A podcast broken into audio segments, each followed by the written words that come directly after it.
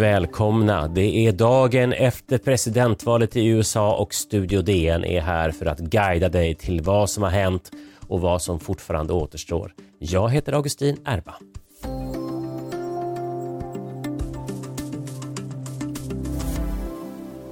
This is a fraud on the American public.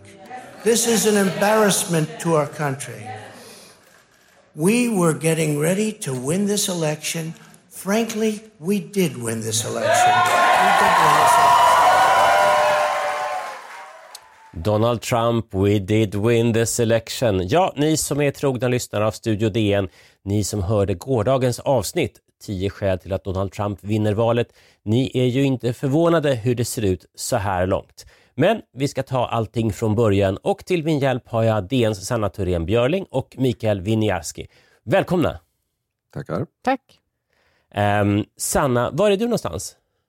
Jag är i Washington eh, och har varit här eh, under dagen och eh, gått runt under kvällen nere i centrala stan och eh, ja, tittat på de som är, har samlats där. och så. Det var, blev till slut en ganska avslagen eh, historia där faktiskt. Det var inte helt olikt hur det var på Hillary Clintons valvaka för fyra år sedan faktiskt, även om det liksom avbröts tidigare än så. Eh, och vi vet faktiskt inte än vem som har vunnit. Nej. Eh, Mikael, var är du någonstans? Jag är i Florida, i närheten av Fort Lauderdale, alltså då det här heter... Eh, och jag har tillbringat kvällen i något som heter Palm Beach. Det, där är faktiskt eh, president Trumps original, eller vad heter det, officiella residens ligger ju där i den här Mar-a-Lago. Han har ju flytt, flyttat sig dit av olika skäl, skatteskäl bland annat tror jag, för det det är inte så hemska skatter som i New York. Men han, han är ju inte här nu. Han var ju som sagt, som vi såg nyss, i Vita, hörde nyss i Vita huset. Nej, men jag deltog i en republikansk lokal valvaka och det var tjo och kim där. Vi ska lyssna lite grann på hur det lät eh, när du var där.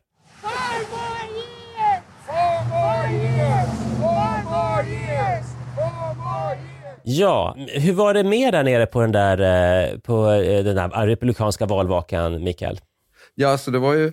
Det, det, allting kom ju väldigt fort. Jag, jag, var ju, för fyra år sedan var jag också på en annan republikansk valvaka när Trump vann, men då dröjde Florida dröjde faktiskt till kanske närmare midnatt, 11 eller midnatt eller någonting sånt här lokaltid innan, de, innan det var klart. Men här förklarade någon lokal gubbe här att plötsligt klockan nio redan, alltså två timmar efter att vallokalen hade stängt att, att Trump hade vunnit Florida. Det var inte alls officiellt och sen två timmar senare sa Fox News att Trump hade vunnit och sen någon timme ytterligare, två timmar senare kom de andra, CNN och AP, och bekräftade detta. Eh, men glädjen stod ju högt i tak. Det var helt, helt otrolig stämning.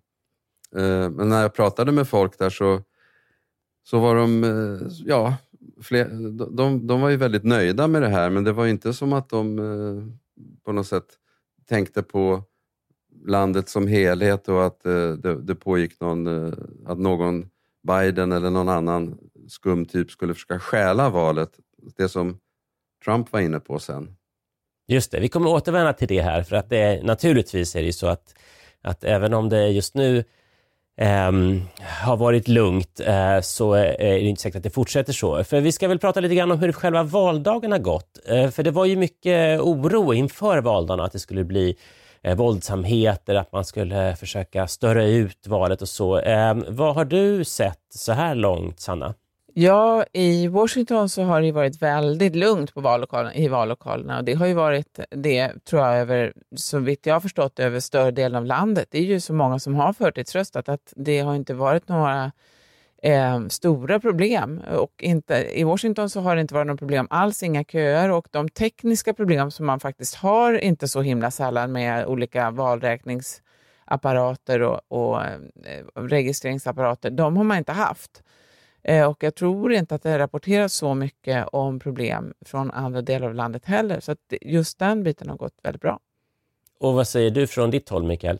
Ja, det var samma sak. Det var, vi åkte runt till några vallokaler. Det var ju knappt en själ där. Det kom några stycken, ramlade in en och annan då och då. Men det var ju, här hade ju då 70 procent av alla röster redan lämnats för, före eh, eller 70 procent av alla röstberättigade hade lagt sina röster redan dagen före valet. Nu vet jag inte vad den totala siffran blir, alltså 10 miljoner nästan av 14 miljoner registrerade väljare.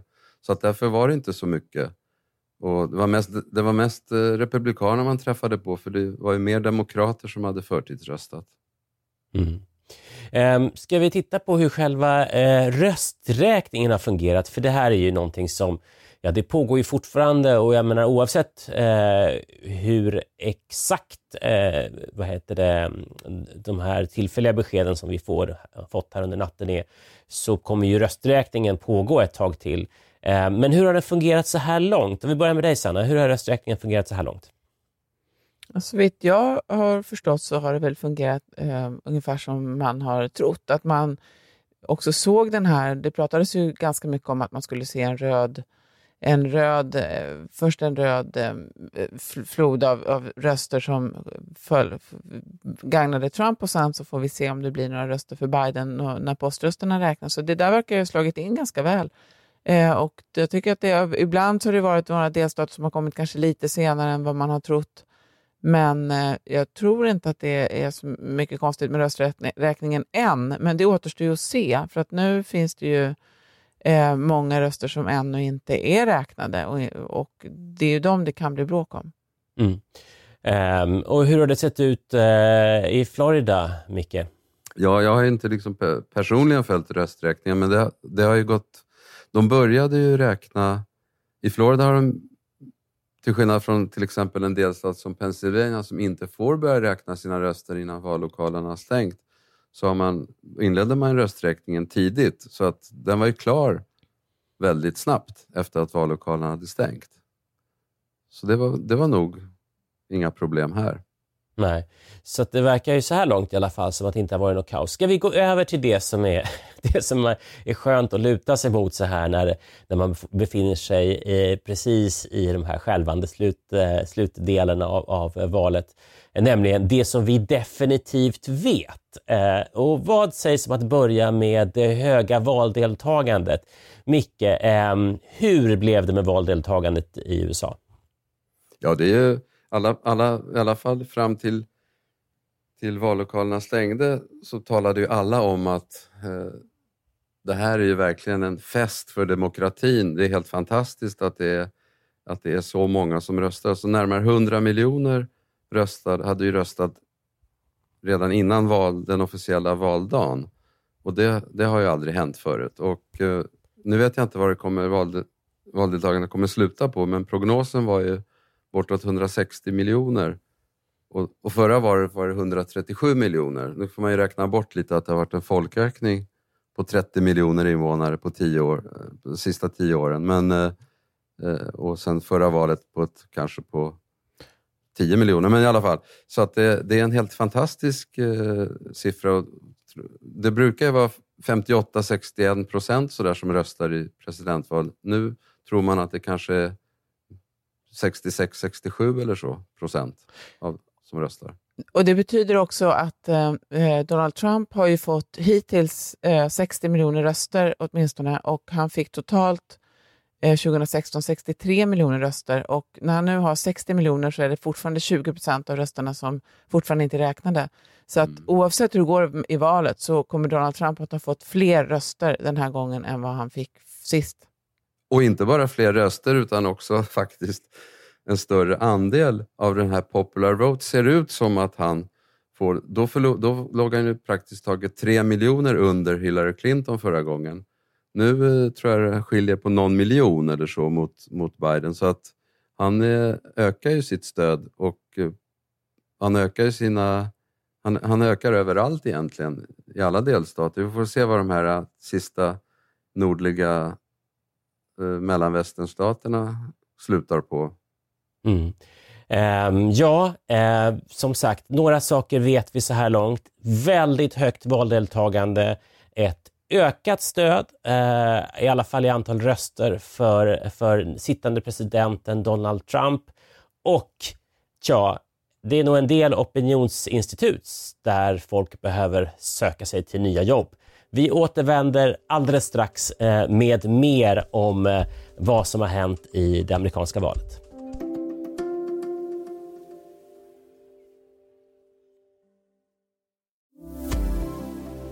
Välkomna tillbaka till Studio DN som idag är fokuserat på det amerikanska valet. Med mig idag så har jag Sanna Thorén Björling från Washington och Mikael Winiarski som sitter i Florida. Ehm, vi ehm, kan ju faktiskt konstatera att nu när valet börjar bli ganska färdigräknat så ser vi att resultatet är väldigt likt 2016, eh, förutom då att det är fler som har röstat och att presidentens popularitet eh, verkar ha ökat. Ehm, ska vi, ska vi, eh, Mikael, jag skulle ändå vilja höra, ehm, det var ju väldigt mycket snack innan eh, valet om att Florida skulle vara, som de säger i USA, in play, det vill säga att det, det fanns en möjlighet att Biden skulle kunna vinna där. Eh, varför vann Trump Florida? Ja, alltså om, om man nu litar på de opinionsmätningar som var, och det gällde ju egentligen hela landet, alla de här eh, vågmästarstaterna, så ledde ju Biden konsekvent över hela landet, praktiskt taget i alla de här staterna. Och det gällde också Florida, fast även om där var marginalen lite mindre, det handlade om några, procent, några få procent. Det stämde ju då inte, visar det sig. Men eh, varför, han, varför han vann? Ja, eh, det finns massor med skäl. Det, att eh, Trump lyckades väldigt bra med hispanics, inte bara kubanerna, även med puertoricaner och andra, andra latinogrupper. Han eh, tappade inte så mycket bland pensionärer som är en viktig grupp där i Florida och han misslyckades väl inte heller så mycket med de här så kallade vita arbetarna. Jag tror att Demokraterna eh, helt enkelt eh, gjorde bort sig här.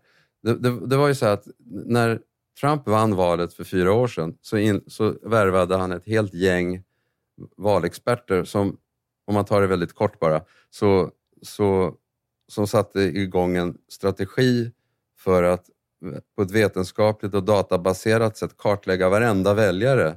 Och, och nu, det gäller hela landet, men vi pratar framförallt om swing states som Florida. Demokraterna la ju ner allting.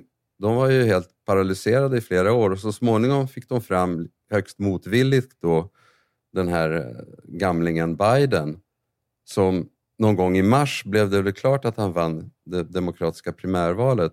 Samtidigt inträffade ju pandemin. Så då, när de normalt sett skulle ha startat upp en stor, stor sån här ground operation som det heter, så la de ner allting. De har inte varit ute på hela året med dörrknackning, med kartläggning, med, med, inga möten. Biden har inte haft ett enda valmöte, normalt valmöte under den här kampanjen. Och de har först och jag hörde redan på försommaren hur demokrater från, i Florida framförallt, de vädjade om att vi måste få komma igång med, med våra värvningskampanjer och ground operations. Ingenting hände förrän de sista veckorna nu i oktober. Det, det tror jag är den grundläggande förklaringen till att de sumpade Florida, där de egentligen borde haft en jättechans. Mm. Och eh, du är inne på det här nu, eh, eh som, som vi har rört vid några gånger redan, Eh, och det här, eh, alltså vi måste prata om opinionsinstituten eh, som ju har föruts som förutspådde, jag menar vi vet ju inte exakt hur det kommer gå i alla stater fortfarande, för det vet vi inte förrän allt, alla röster är slutligt räknade. Men en sak som vi definitivt redan nu vet är att deras förutsägelser om the popular vote, eh, det vill säga att Joe Biden generellt i landet skulle vara betydligt mer populär än Donald Trump att det har visat sig fullständigt felaktigt. Vi pratar ju om ett fel här på, alltså eh, en felmarginal på kanske, nu räknar jag bara i huvudet här, men jag tror att vi ligger på liksom en felmarginal på 10 procent. Eh, Ungefär, ja. Ja, eh, ni vet hur det är med såna börs, eh, börsspekulanter, att ibland så brukar man säga att om en apa skulle kasta pil på, på en piltavla så kan de få samma resultat som en, en, en mäklare. Eh, och man börjar ju liksom känna sådana vibrationer när det gäller opinionsinstituten. Kan någon av er hjälpa mig att förstå hur kunde det bli så totalt fel igen?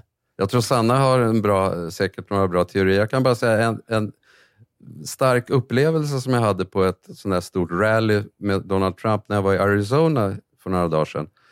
Det var ju det att när man pratade med folk om vad säger ni nu, kommer Trump att vinna?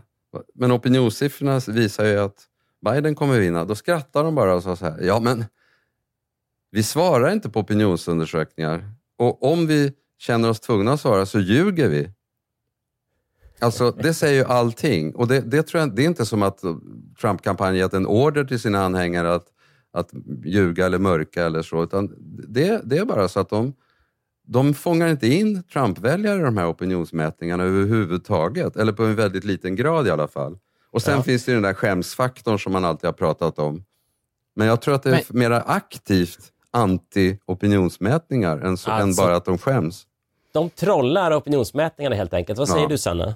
Nej, men jag tyckte att det, det, var precis vad jag mötte för fyra år sedan. Då blev jag skickad till Detroit dagen efter valet, för då var det Michigan som var den stora skrällen. Och eh, Det första jag mötte där var en person som sa just att, eller det var ett par som satt på en liten restaurang och åt och de sa att ja, men de röstade på Trump och de, eh, det hade ringt så många opinionsundersökningsföretag till dem eh, så att de höll på att bli tokiga. Eh, och de svarade inte. Och de, jag tror att det är så att de förknippar, de, de lägger ihop opinionsmätarna med det övriga etablissemanget. Eh, jag, ha, jag har inte mött så många som skäms för att de röstar på Trump. Det kanske man gör om man bor man kanske drar sig för att säga det om man bor i till exempel Washington eller på Manhattan för att det blir lite socialt jobbigt. Men, det är ju, men eh, man behöver inte åka långt förrän det är bara Trump-skyltar överallt. Eh, så det där tror jag är en, en föreställning som, man, som folk har som bor i de här storstäderna där det är lite skämmigt. Eh, och jag tror, eh, sen så tror jag att man har ju förändrat en del av opinionsmätningarna sen sist.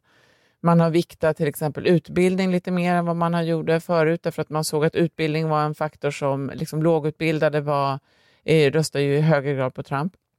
Eh, så det har man viktat. Man har viktat lite mer det här med glesbygd, eh, storstad. Eh, och sen har man ju sagt så att ja, men om det är så att vi har fel igen, det är mycket möjligt att vi har fel, men då är det någonting som vi inte eh, vet vad det är för fel, för då hade vi naturligtvis rättat till det.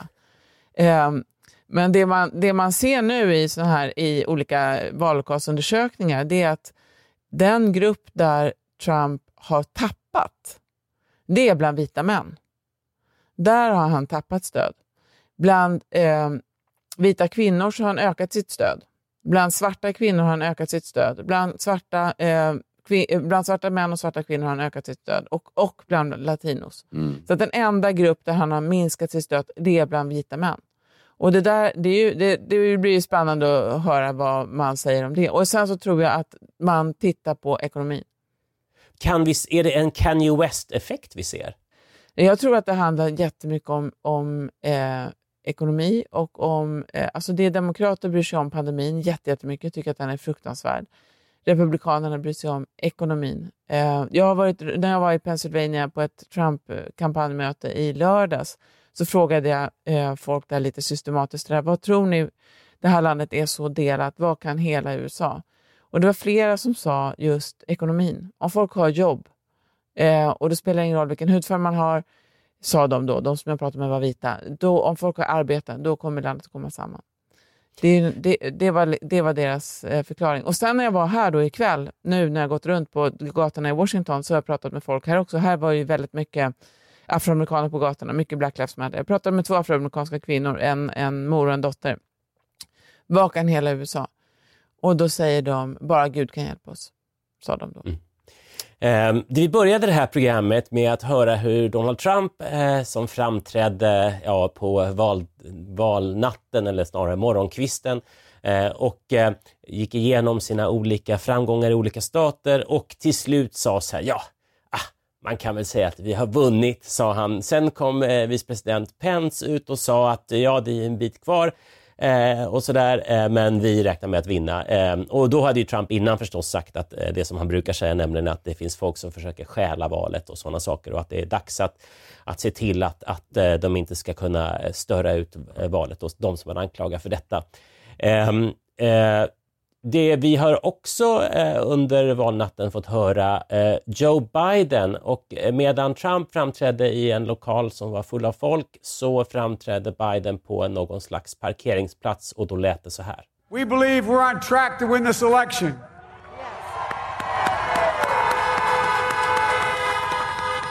We knew because of the unprecedented early vote and the mail in vote that was going to take a while. We're going to have to be patient until we, uh, the hard work of tallying the votes is finished.